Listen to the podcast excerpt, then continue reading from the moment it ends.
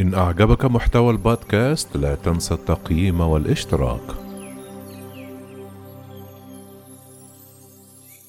المبادرة السعودية تمنح اليمن فرصة واقعية للسلام.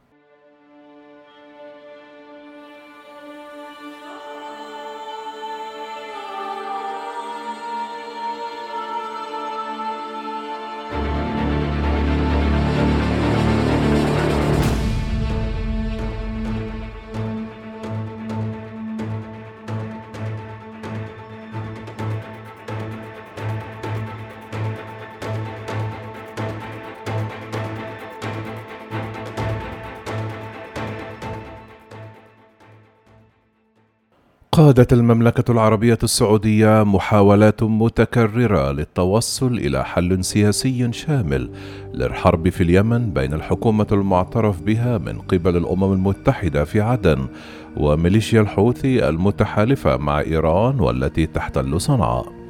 مرارا وتكرارا منذ اندلاع الحرب في عام 2014 سعى المسؤولون في الرياض إلى حل غير عسكري للأزمة على الحدود الجنوبية للمملكة العربية السعودية التي تركت المدنيين والشحن التجاري والبنية التحتية النفطية في مرمى النيران.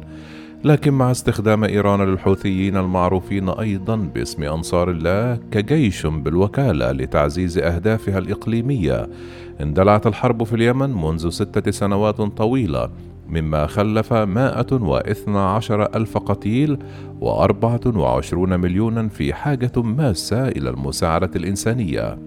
وقال وزير الخارجية السعودي الأمير فيصل بن فرحان في الرياض يوم الاثنين نريد أن تصمت المدافع تماما معلنا عن أحدث مبادرة تتضمن وقف إطلاق النار والتعاون الإنساني والتنازلات الاقتصادية.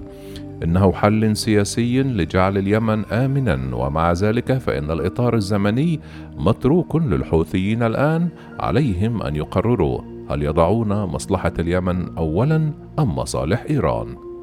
نثرت بذور الصراع عام 2011 عندما تصاعدت الاحتجاجات السلمية المناهضة للحكومة في اليمن وانزلقت البلاد التي يبلغ عدد سكانها 23 مليون نسمة في الفوضى وتدخل مجلس التعاون الخليجي للوساطة في نوفمبر من ذلك العام وقع الرئيس آنذاك علي عبد الله صالح مبادرة دول مجلس التعاون الخليجي في الرياض بالموافقة على انتقال السلطة إلى نائبه عبد ربه منصور هادي خلال فترة انتقالية تفضي إلى الانتخابات.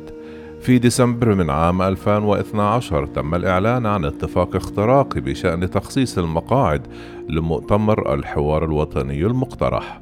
وبحلول إبريل من عام 2013 بدأ مؤتمر الحوار الوطني كجزء من مبادرة دول مجلس التعاون الخليجي حيث جمع 565 مندوبا من مختلف الأطياف السياسية اليمنية. وفي سبتمبر من عام 2014 رحب مجلس الأمن التابع للأمم المتحدة باتفاق السلام والشراكة الوطنية لتحقيق الاستقرار في الوضع في اليمن. فقط عندما بدأ أنه تم تجنب الصراع استولى الحوثيون بمساعدة علي عبد الله صالح العاصمة صنعاء في الواحد وعشرون من سبتمبر من عام 2014 بحجة مكافحة الفساد وزيادة أسعار الوقود.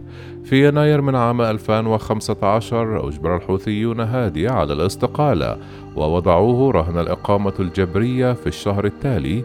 هرب إلى مدينة عدن الساحلية الجنوبية حيث تعهد بمقاومة انقلاب الحوثيين. لكن بحلول منتصف مارس آذار تقدم الحوثيون إلى ضواحي عدن العاصمة المؤقتة الآن.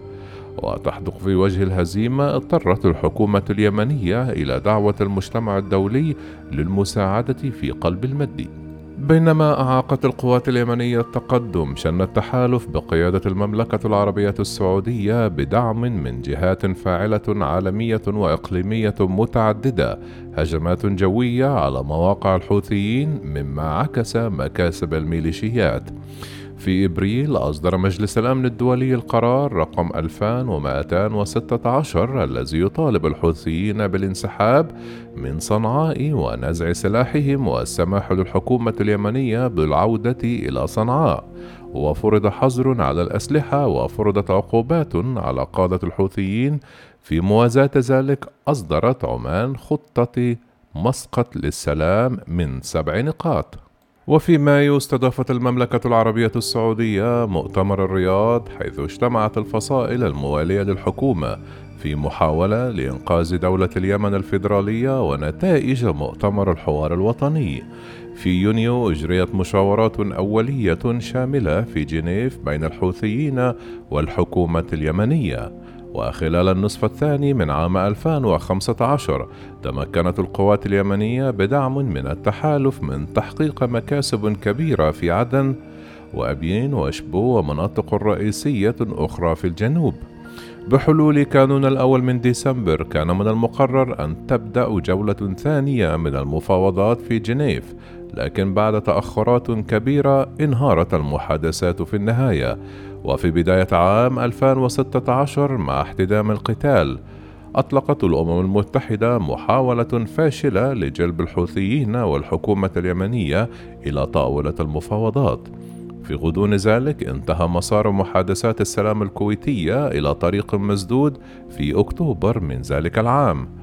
أعلن الرباعي الذي يضم المملكة العربية السعودية والإمارات العربية المتحدة والمملكة المتحدة والولايات المتحدة الأمريكية عن خارطة طريق جديدة. وبعد ثلاث سنوات من الجمود العسكري شن التحالف الذي تقوده السعودية هجوما كبيرا في يونيو من عام 2018 وأحرز تقدما كبيرا في مدينة الحديدية الساحلية الغربية في سبتمبر حيث ألغيت مشاورات جنيف أخيرا. بعدها علقت الحكومة اليمنية هجومها في ديسمبر من كانون الأول بموجب اتفاق سلام مع الحوثيين عرف باتفاقية ستوكهولم مما أسفر عن اتفاقيات أولية بشأن أوضاع تعز والحديدة والإطلاق سراح سجناء لكن سرعان ما انتهك الحوثيين الاتفاق بعد استهداف القوات الحكومية في الحديدة وقصف مناطق سكنية. ثم في النصف الثاني من عام 2019 قام المجلس الانتقالي الجنوبي المؤيد للاستقلال بطرد الحكومة اليمنية من عدن بعد اشتباكات عنيفة. وفي نوفمبر من تشرين الثاني ساعدت المملكة العربية السعودية في التوسط في اتفاق لتقاسم السلطة بين الحكومة والمجلس الانتقالي الجنوبي المعروف باسم اتفاق الرياض يهدف إلى نزع فتيل الأعمال العدائية في جنوب اليمن. ووصلت أوائل عام 2020 بضربة صاروخية مدمرة للحوثيين على معسكر تدريب عسكري في محافظة مأرب وسط البلاد. راح ضحيتها 110 قتلى وأثارت اشتباكات عنيفة. بحلول ذلك الربيع كان الحوثيون يحققون مكاسب مرة أخرى. وفي إبريل أعلنت الحكومة والتحالف العربي هدنة أحادية الجانب في اليمن لتمكين العاملين الصحيين من احتواء جائحة فيروس كورونا. وفي أكتوبر من ذلك العام قامت الفصائل المتحاربة بتبادل مئات الأسرى. ومع ذلك فإن أي نية حسنة لم تدم طويلا. أشعلت إيران الموقف بإعلانها وصول مبعوثها إلى صنعاء.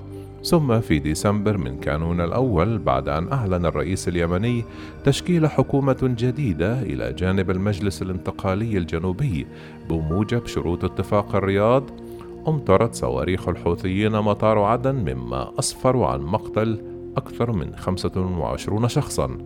حتى الآن هذا العام لم يظهر الوضع بوادر تحسن تذكر مع هجوم جديد للحوثيين على مأرب وتصعيد في هجمات الطائرات بدون طيار والصواريخ على المملكة العربية السعودية والمجاعة التي تلاحق شمال غرب اليمن.